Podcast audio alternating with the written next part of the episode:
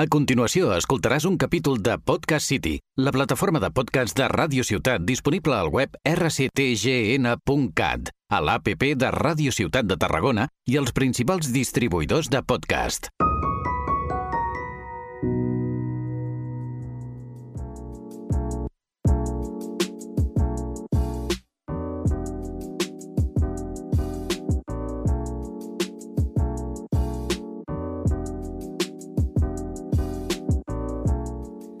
Benvingudes i benvinguts a un nou episodi de Maternitat i Criança Conscients.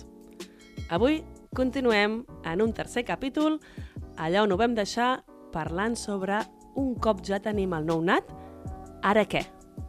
I com en els altres dos episodis, eh, ens acompanya la nostra amiga Amada. Eh, aleshores, em presento jo i després dono pas a l'Amada.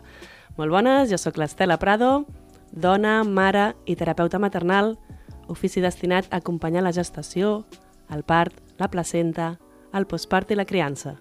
I sóc la veu principal d'aquest podcast sobre maternitat i criança conscients. I com deia, la Mada ens torna a acompanyar. Eh, si et vols presentar... Bones, Estela. Bones. Hola a tothom. Eh, doncs sí, sóc l'Amada i sóc mare també de dues criatures. Eh, vaig estudiar Educació Social i, i ara actualment estic estudiant Astrologia, enfocat així per acompanyar la primera infància, per poder acompanyar-ho amb una manera més respectuosa i conscient i llavors bueno, molt, molt envolcada en la, en la maternitat i en tots els processos. Així que, bueno, una vegada més, super encantada d'estar aquí. I jo també, jo també de que tornis a estar amb nosaltres i que puguem compartir. Doncs seguim amb, el que, amb les cosetes que ens trobem amb el nou nat.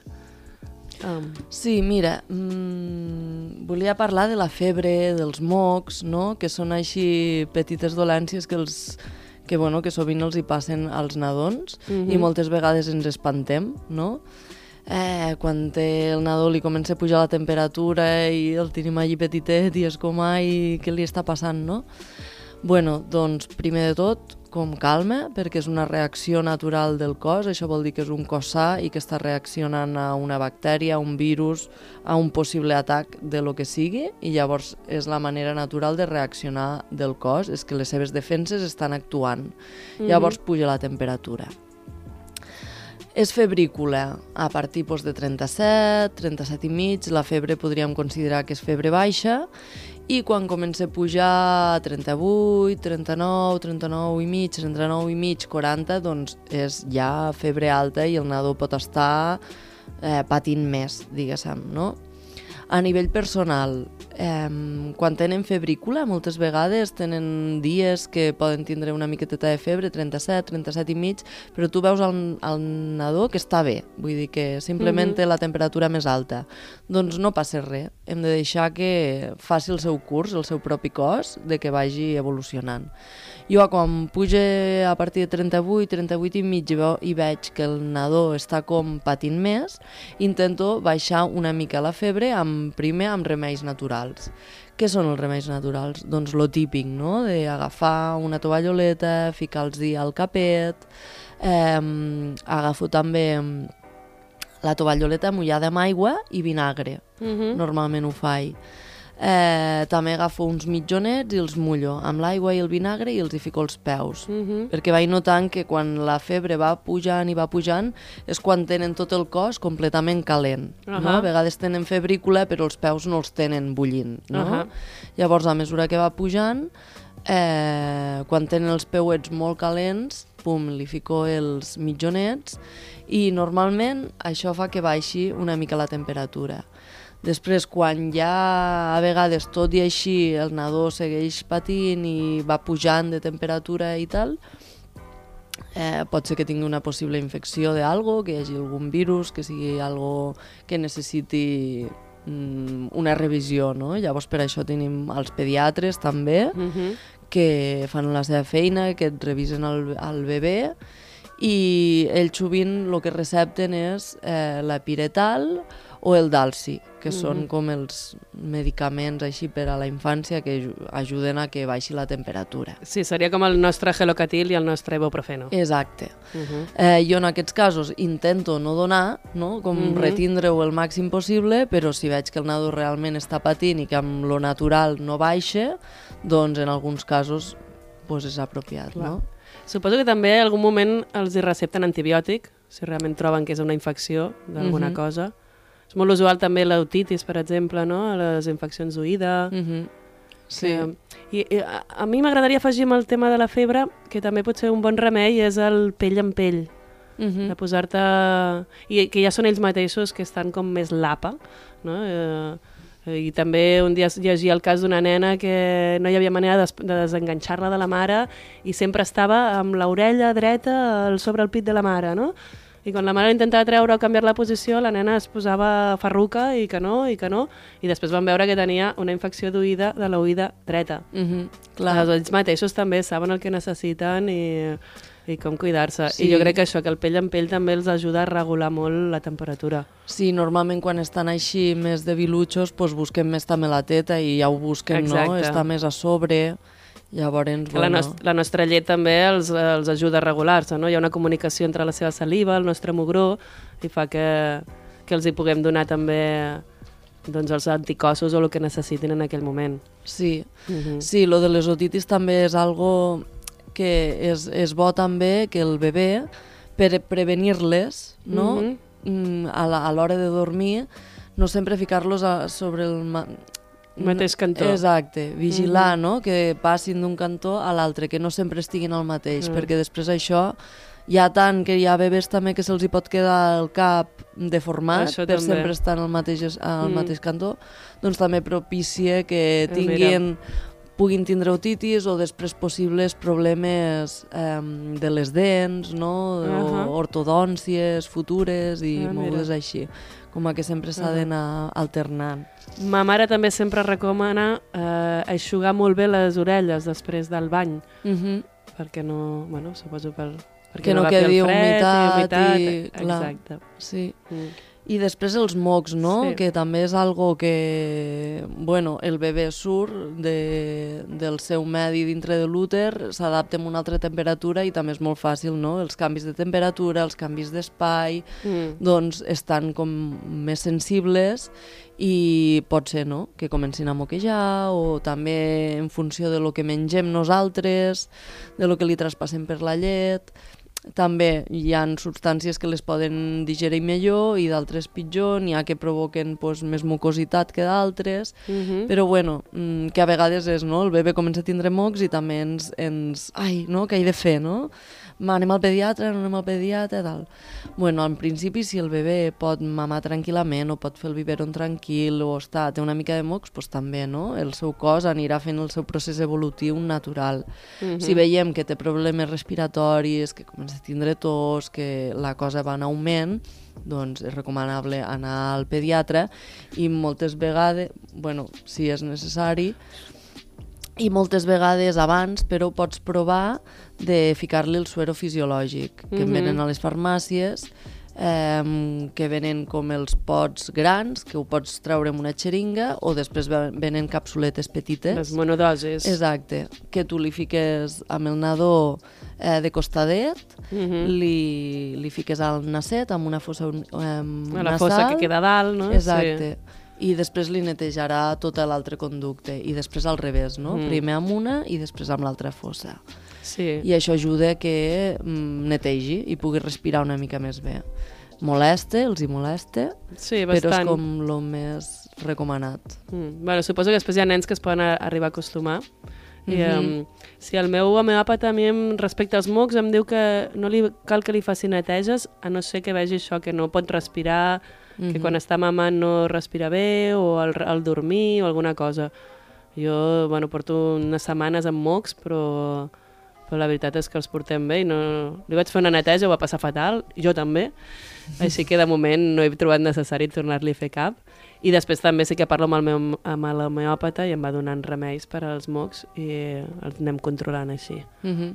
Clar, tot depèn també molt, molt de com està el cuidador, la persona que mm. està cuidant el nadó, no? De la mm. tranquil·litat que aquesta persona tingui, no? Si hi ha alguna que et neguiteja, pues sempre et porta a fer alguna cosa, no? Clar. O a ficar-li um, fer alguna acció, no? Mm -hmm. ja sigui anar a l'homeòpata, anar al pediatre o anar on sí. sigui no? per buscar. Si nosaltres estem tranquils, doncs Clar.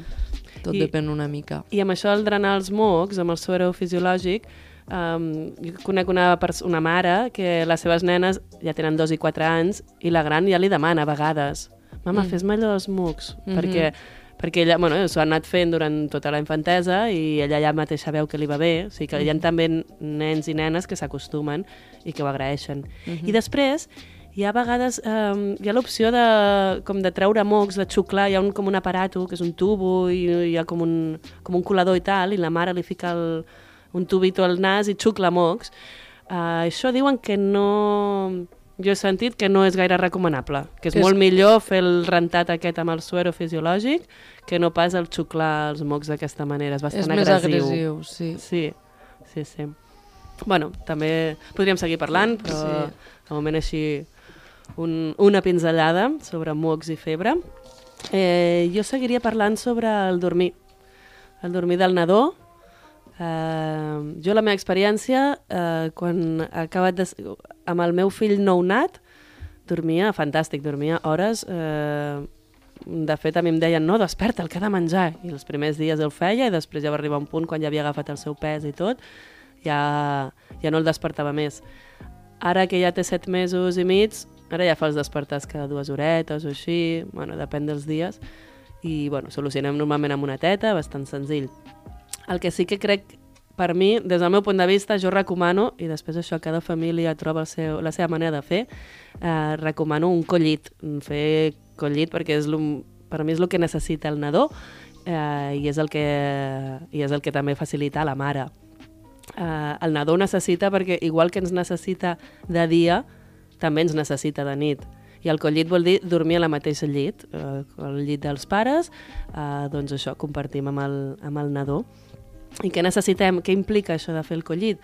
Doncs implica tenir idealment un matalàs tirant a dur, um, que cap dels pares que dormen a l'habitació sigui fumador, perquè dels, uh, des, de, des, es desprenen uns tòxics que uh, pels petits pulmonets del nadó uh, són bastant nocius i inclús uh, augmenten el risc de mort, de mort sobtada.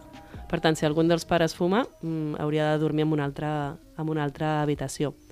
També s'ha de vigilar molt amb els coixins, coixins que no acabin a sobre del nadó i també després és un hàndicap el com ens tapem i com el tapem. No? Perquè, clar, ell acostuma a tenir el cap a l'alçada de la teta perquè no utilitzen coixí i nosaltres ens volem tapar fins a dalt quan és hivern. I, eh, i aleshores, bueno, una manera és posar-lo a un dels cantons i que tingui la seva pròpia manteta o bé amb, eh, amb capes de pijames.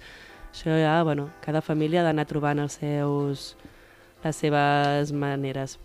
I després, en respecte a les migdiades, jo segueixo una mica amb la idea del collit i jo sóc partidària de, sobretot els primers mesos, inclús et diria la exterogestació, aquests nou mesos que fèiem d'exterogestació, eh, migdiades a sobre nostra, sobre la mama, sobre el papa.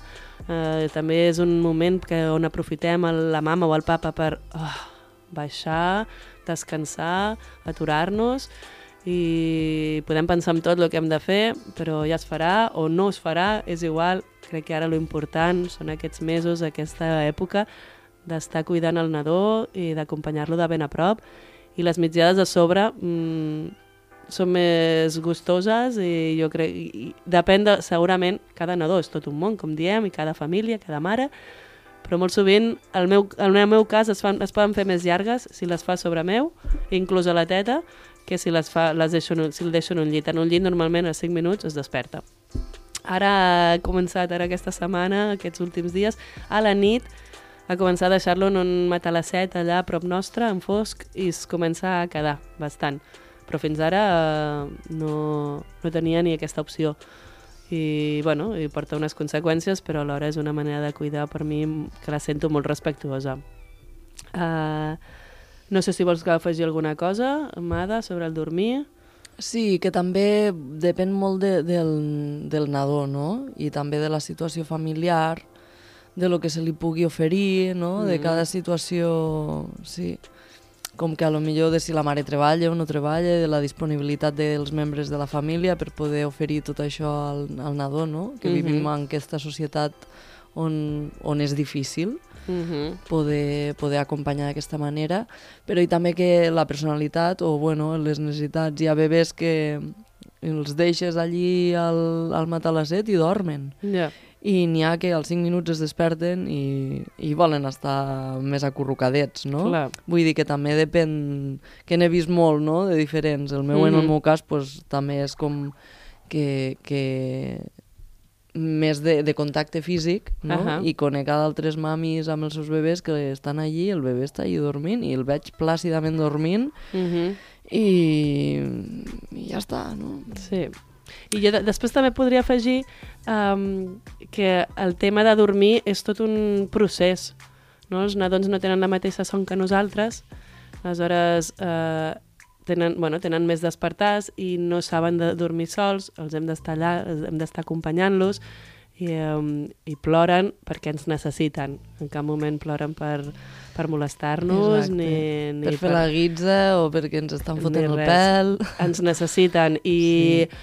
i pot ser que un nadó, si el deixes plorar, plorar, plorar, plorar, al final s'adormi, s'adormi de cansament i arribarà un punt en què ja no plorarà i dormirà seguit o, o no dormirà seguit però es despertarà i no et cridarà perquè ha arribat al punt de veure que Vale, jo ploro i aquí ningú ve, per tant, deixo de plorar, Sí. no gasto energia en plorar, perquè això, això, des del meu punt de vista, no és respectuós, és un abandó, i crec que això li fa una ferida que, que l'haurem de pagar en psicòlegs a, a partir dels 15 o 20 anys. Mm. Sí, o abans, no ho sabem.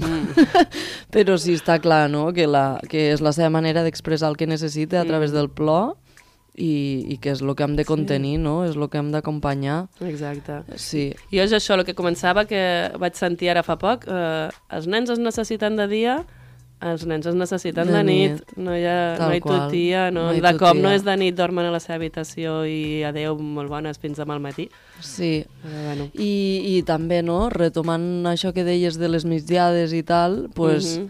també nombrar el son de la mare, no?, o del pare, o de la persona cuidadora, rotllo, si estàs cansat, aprofita per dormir quan el bebè dormi, perquè n'hi ha molts que, que pots dormir amb ells tranquil·lament, s'enganxen a la teta o, o estan allí relaxadets, però n'hi ha molt, molts altres, com en el meu cas, que ja quan estava dintre de la panxa no es parava de moure la nit, llavors jo a la nit ja em despertava i ja m'estava avisant de que m'hauré de despertar molt quan Mhm. estigui també fora de l'úter.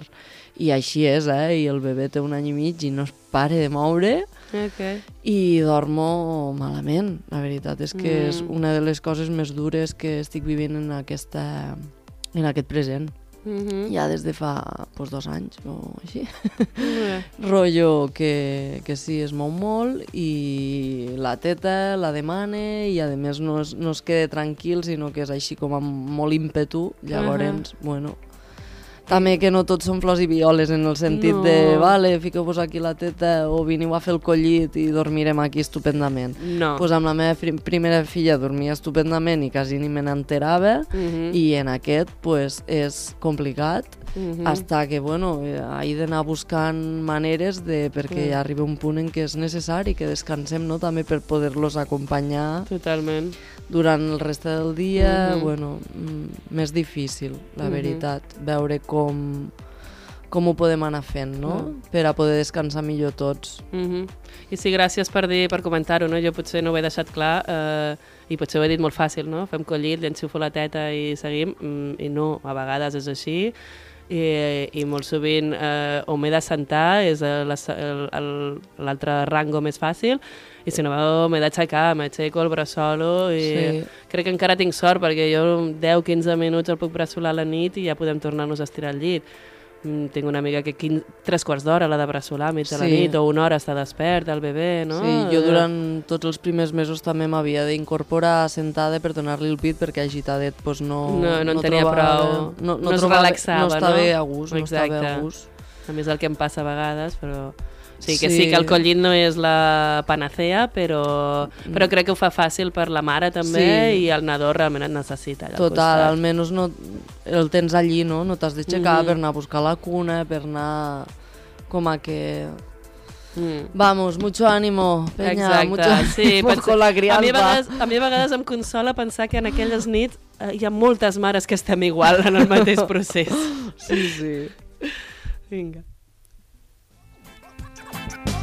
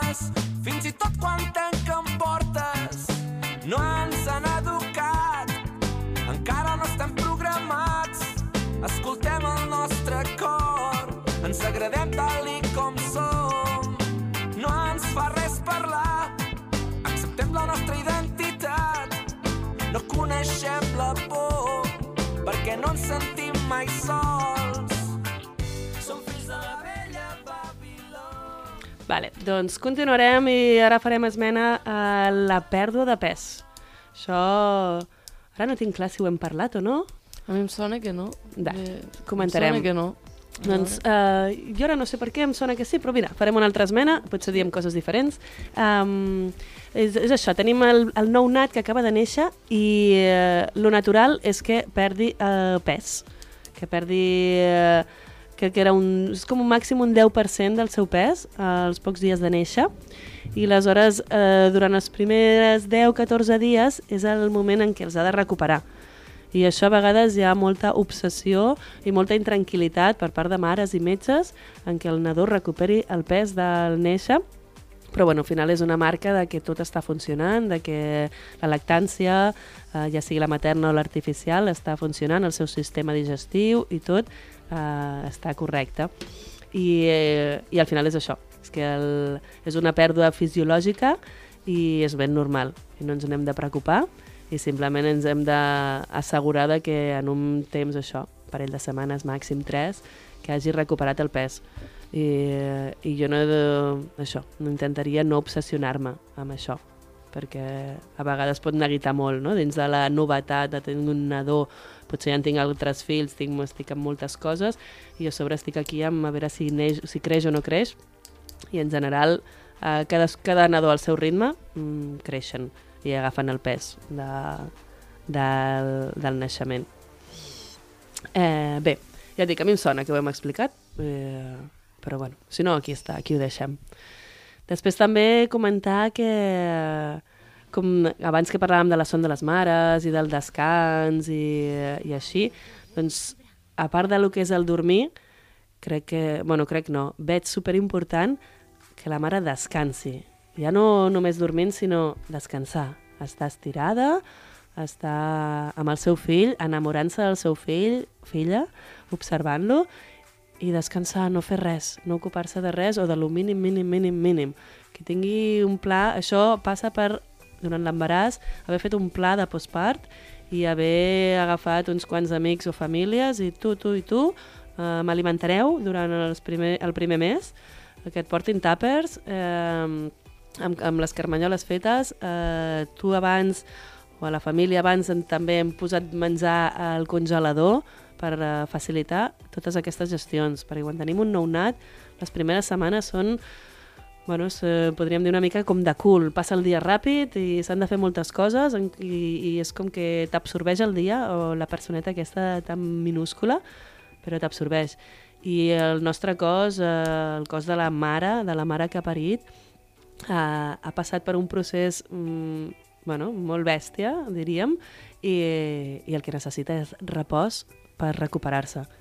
Eh, aleshores, és aturar-nos i el món que segueixi, però la mare que s'aturi, que s'aturi i que tingui una bona xarxa al seu voltant que ajudi a aturar-se. És l'ideal. Jo, jo aquí intento sempre expressar lo ideal i després, bueno, és, és guai que la mà ens posa la cara de, de, de la realitat, no? De, eh, estem aquí en una societat que això no ajuda per res, no?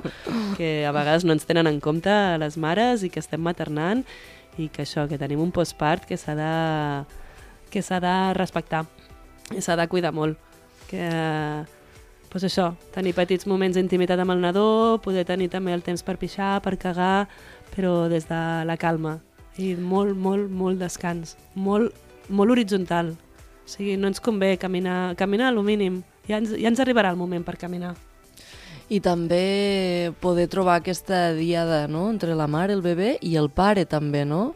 Aquest coneixen, aquesta coneixença de A3, que fins ara el bebè ha estat dintre de l'úter de la mare, doncs ara ja el pare també està allí acompanyant a la mare, acompanyant el nadó quan ho necessita, quan la mare descansa doncs pot estar el pare, per exemple, i per això és superguai tindre aquesta xarxa de que el pare també, si se n'encarrega de tot l'altre, el pare també es pot atabalar, no? perquè en realitat hi ha un munt de coses Mm -hmm. del dia a dia que passen amb el bebè, que els cuidados de la mare, el menjar, la roba, la casa, i a part també totes les gestions buroc burocràtiques que s'han de fer en el moment que neix el bebè, no? Mm -hmm. L'empadronament, el ficar aquí, allà, si demanes l'ajuda, la baixa de paternitat, el no sé què, també són tots uns jaleos mm -hmm. que també tens aquell mes per poder-ho tramitar tot. Llavors és que com més ajuda externa hi hagi de confiança mm -hmm. que puguin anar a solucionar la logística, doncs molt millor. Exacte. I, I si hi ha germans més grans, doncs també pues, el còmput és una mica més explosiu, no? Mm -hmm. De que també és la coneixença amb el germanet gran, de la incorporació d'una nova persona, que això es va assimilant al llarg de, dels mesos i mesos, no? Mm -hmm. Entre tots i també és guai no? que hi hagi, sobretot els primers dies, alguna persona de confiança també que li pugui dedicar més atenció als, als germans grans, Mm -hmm. eh, que la mare i el pare també puguin tindre temps amb exclusiu, amb aquest germanet o germaneta gran, que no se senti també exclòs, no? Mm -hmm. Però, ta, clar, també vagi entenent que ara el bebè pues, necessita com a més braços de la mami, no? Clar. Llavors, bueno, és ahir nombrar una mica tot això. Exacte, tindre sí, molt bé. això. A vegades hi ha contes també que ajuden a acompanyar no, els germans grans Uh -huh. a la, a l'avinguda. També parlar-los de... O sigui, no, no fer flors i violes. Ai, que guai, tindràs un germanet, és superxulo. No, posar-los en la realitat de pues, tindràs un germanet els primers mesos, la mama haurà d'estar menys, haurà d'estar més pel bebè i tu podràs estar més amb el papa o amb els avis o amb tal, Uh -huh. no? I, Sí, com posar-li també la realitat, no, no posar-li tot Sí. superbonic i després el nadó, el, el, nen, el nen o nena gran diu eh, m'heu pres el pèl aquí. O sigui, de este aneu? niño no hace nada, no? Na, Que clar, exacte. "Me'l podràs jugar No és nada el bebè". divertido. I m'està robant a la mami, no? La meva Sí. mami. Total, sí, Sí. sí, sí dir, dir, dir les coses clares. Eh, en referència abans de, que dèiem del descans, de tenir algú de, de confiança que ens ajudés, a vegades també funciona molt la, func la, la figura de la doula. La doula, la, podem, un servei que ens ajuda molt eh, i ens, una doula postpart ens ajuda molt a, a això, a fer logístiques. Li podem demanar que ens cuini, que ens vagi a comprar, que ens netegi, que ens porti el que sigui, que ens faci el que necessitem. Eh, I a a vegades nivell- és un regal molt bo per demanar. Més I a- que els cucos i cosetes, una doula. I a nivell emocional també, no? També. De tots els dubtes i cosetes Exacte. que vagin sorgint. Sí, sí, sí. Molt bé. Eh, vale, doncs, doncs a veure, uh, m'estan avisant que hauríem de fer una petita pausa, vosaltres potser ni us n'adoneu, però parlem cinc minutets i, uh, i l'acabarem després de la pausa. Aleshores, eh, voldria parlar sobre... El, bueno, jo crec que ja ho hem parlat, però... Ah, no, no ho hem parlat, perdó. Estava llegint aquí el pell en pell, però deia, a més del pell en pell, és molt important també el deixar-los a terra perquè puguin tenir el moviment lliure. Qui diu a terra diu les primeres setmanes a sobre del llit, i, eh, però és molt important eh, que ells tinguin l'espai per moure's. Um, que, doncs això, jo, jo crec que el primer... Al partir del mes el vaig començar a deixar ja al terra. Les primeres setmanes estava al llit i tenia lliure de moviment. Al principi, bueno, com ja vam dir, tenen aquest... El, el moron, el reflexe de moron i altres moviments esporàdics, no? No, no controlen gens el seu cos, però sempre que tinguin això, la, oberta el, uh, la disponibilitat de moure's. I, I és molt important això, al terra, perquè ells mateixos tenen com una programació interna que jo encara ho flipo, no?, amb el meu fill, totes les evolucions que fa cada setmana, cada dia, cada tal, és com, uau, d'on surt això, no? Però un, ve una cosa darrere de l'altra i necessita tenir l'espai per fer-ho, el, els moments. Um, tinc una amiga que tenia, va tenir la, al principi la lactància complicada i ella m'ho deia, eh, el meu fill fins als 8 mesos no va començar a girar sobre seu. El meu amb 3 i pico ja estava girant, no? perquè bueno, el meu tot va ser... La lactància va ser molt fàcil i li vaig donar molt de terra, aleshores ell pues, pues això, segueix els seus instints i hi ha un patró que tenen que, que fa això, que, que fa, pugui anar avançant amb, el seu, amb la seva motricitat. Després, parlo de la terra, eh, no me l'entengueu, posem-li una estoreta o una catifeta que, que sigui una mica colxadita i que sigui ferma, sobretot, que no se li rebregui, perquè, perquè si no li impedirà a ell fer els seus moviments, els seus giros. Eh, després això, la nostra presència és important, però sense judici. I a vegades tenen moviments que els frustren o que els hi costen. Bueno, tampoc no cal salvar-los al primer moment, podem posar-nos allà, ei, estic aquí, ja veig que et costa, no? Encara que siguin nadons, ells entenen de les paraules i, i si realment arriba un punt en què s'estan frustrant molt i cridant i plorant, doncs ja l'agafem. Però el meu fill, quan es començava a girar panxa avall, se li quedava el braç enganxat i plorava, i, i no plorava, perdó, i, i cridava, cridava, i era el seu procés, cridar, cridar, cridar, i pum, i treia el braç de cop, i ja està. I és una cosa que ell ha aconseguit per si mateix i jo crec que aquest sentiment de que ell aconsegueixi alguna per si mateix, uau, ho val molt, i, i això. I, I també la mirada de l'acompanyant que, que hi té confiança, no? -hmm. Perquè moltes vegades com aquesta preocupació pot eh, i crec que tot es basa molt en la confiança, no? O sigui, repetir-nos el, el nadó està fent el seu propi procés, està movent, no? Salvar-lo, entre cometes, quan mm -hmm. veiem que, que és un impediment gran, no? que li està que es pot mm, ratllar molt, no? Clar. Però sí, igualment, sí. no, quan es fiquen malaltets també, no? La confiança, Clar. sentir que el seu propi cos està sense arribar a un extrem, de, evidentment, de, de, de no ser negligents, sí. no? Sí, al final és cuidar-lo, no? Jo ara el meu nadó, el meu nadó està raptant i tenim una esglaoneta a la cuina i, eh, i jo l'acompanyo, jo, jo no vull posar barreres a les escales, aleshores el, jo l'acompanyo i el primer dia va anar molt a saco, jo el vaig rebre al terra el, perquè no es fes mal, però ella mateix, uau, què va passar aquí, es va espantar, i um, una segona vegada va anar molt ràpid i, i no em va donar temps i va caure ell directe, és d'un un esglaó estem parlant, per tant no hi ha cap lesió ni res, però ell també encara es va espantar una mica més. I ara ja el veus, a, mm, ara ja arriba i posa el bracet, toca el terra, i molt sovint ja gira, i ara últimament ja està, segueix baixant, però ja ho baixa amb consciència de dir, ui, aquí, aquí ja, hi, ha, hi ha una força que no controlo, i, eh, i, i, i s'ho fa bé, anar bé per baixar aquell esglaó i això és la confiança que tu dius. I, i tenint en compte també que cada nadó és diferent i té mm -hmm. el seu mhm. propi procés evolutiu. Tampoc és com n'hi ha que, que els deixaràs a l'estoreta i, com tu deies, de seguida giraran i faran i n'hi ha d'altres que es frustraran més mm -hmm. perquè els hi costarà més aquella condició i ho faran més tard, no? Com... Exacte. Cada, cada nadó té el seu ritme. La seva naturalesa, sí. Mm -hmm.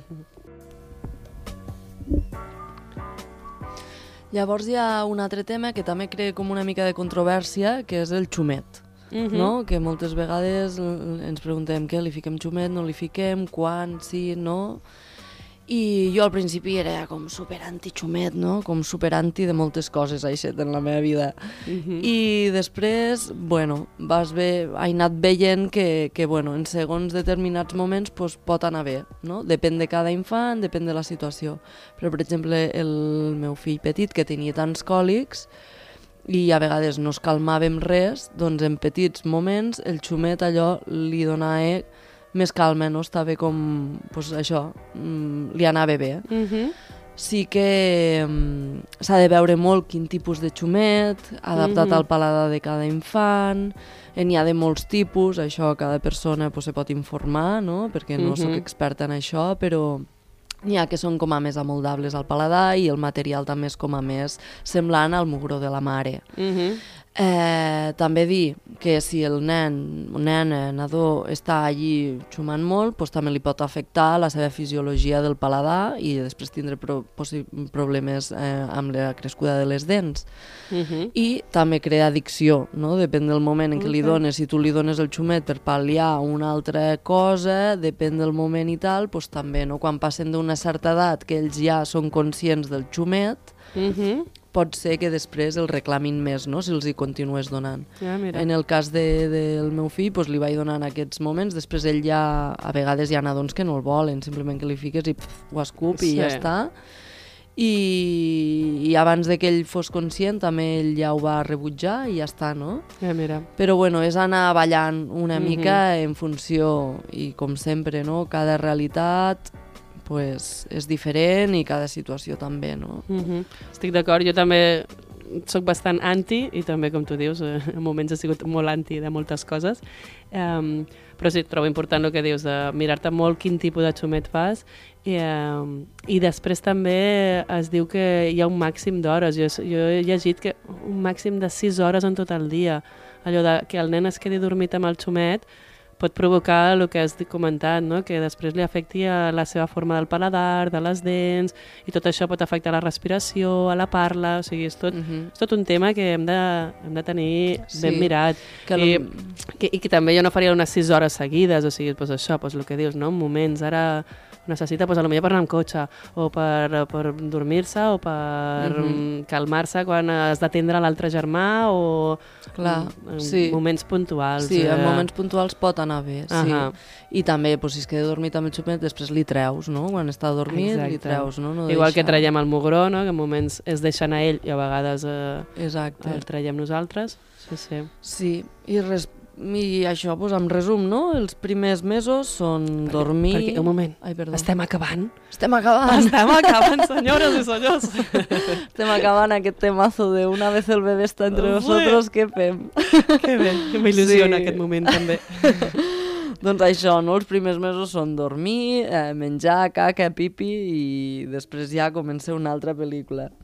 Mm -hmm. I doncs volia dir que, que no hi ha un patró tampoc que vagi bé per a tothom, per a cada nadó, per a cada infant, recalcar això, no? Cada família, cada realitat, que nosaltres estem aquí pues, fent unes recomanacions que sempre creden al criteri propi de cada família, no? I nosaltres ho estem comunicant a través dels nostres propis valors Exacte. i després cadascú el que li ressoni, pues, super, i el que no, pues, també Mm -hmm. no? que cadascú agafi el que li vagi bé i animar a cada família, a cada mare a, a confiar en la seva pròpia intuïció no? a través de la seva connexió única amb el bebè que té allí al davant Mm -hmm. Que bonic.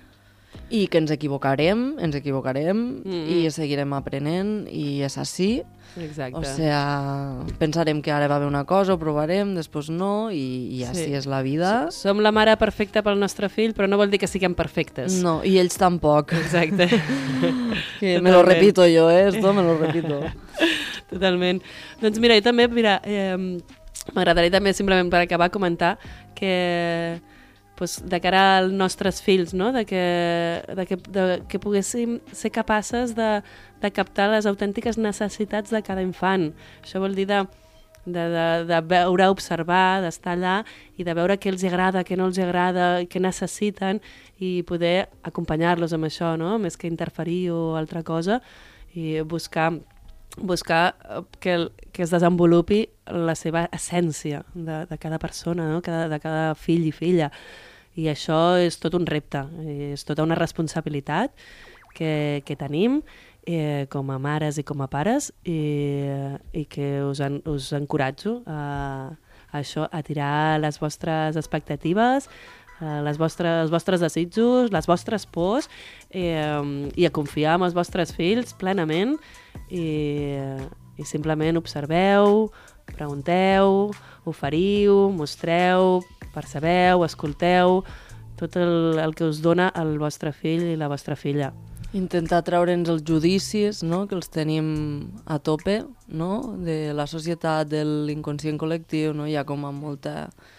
Deixar Mhm. de mirar aquella personeta el més neutre possible i, I després també volia dir una, una última cosa en relació que, que en altres dues també tenim tendència a, mm, a voler comunicar no? totes aquestes coses més alternatives, Més- més naturals. més naturals, no? Aquesta i que això d'aquí sento que és molt necessari i que, que és el que ha estat més deslegitimat durant els últims anys de la història, no? que sempre ha prevalgut molt la Mhm. ciència, la medicina, no? tal i com l'entenem als hospitals, als metges, però també fer una crida no? a aquesta unió entre tots els sabers, perquè a vegades Mhm. ens pot servir un remei natural i a vegades per aquella situació concreta, per la nostra Pel mm, nostre moment o per lo que sigui. Exacte, no va i, i està molt bé també recórrer a la medicina quan és necessària i que aquesta medicina també pugui eh, comprendre no, els altres sabers i que crec que és el camí en el que hem Mhm. d'anar, no? a la unió, a la unificació de, de tot el coneixement. Sí, treure que profit. sume, sume.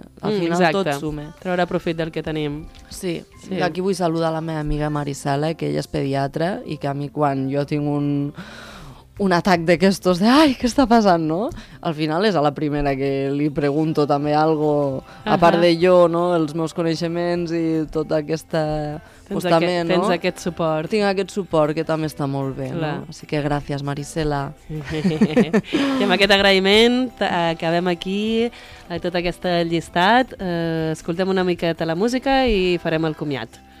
Jo seré aquí espantant els teus malsons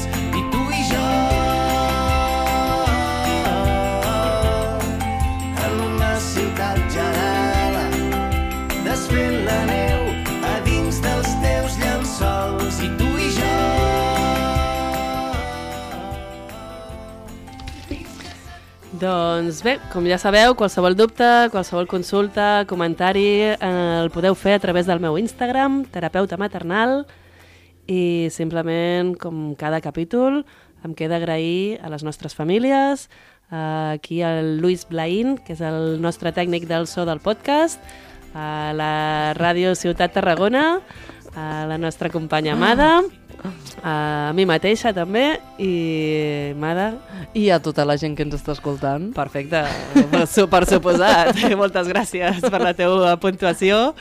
Eh, I al grup, al grup, I al al grup. Bruc, al Bruc. Tenim aquí el nostre tècnic de so que ens va portant cosetes. El Bruc, el Riu, i, eh, a la Intilua, que ens estan aquí també fent mares i coneixedores de tota una ciència i No una exacta. naturalesa. Exacte. Una ciència no exacta. I sense més, salut i bona criança. Adeu.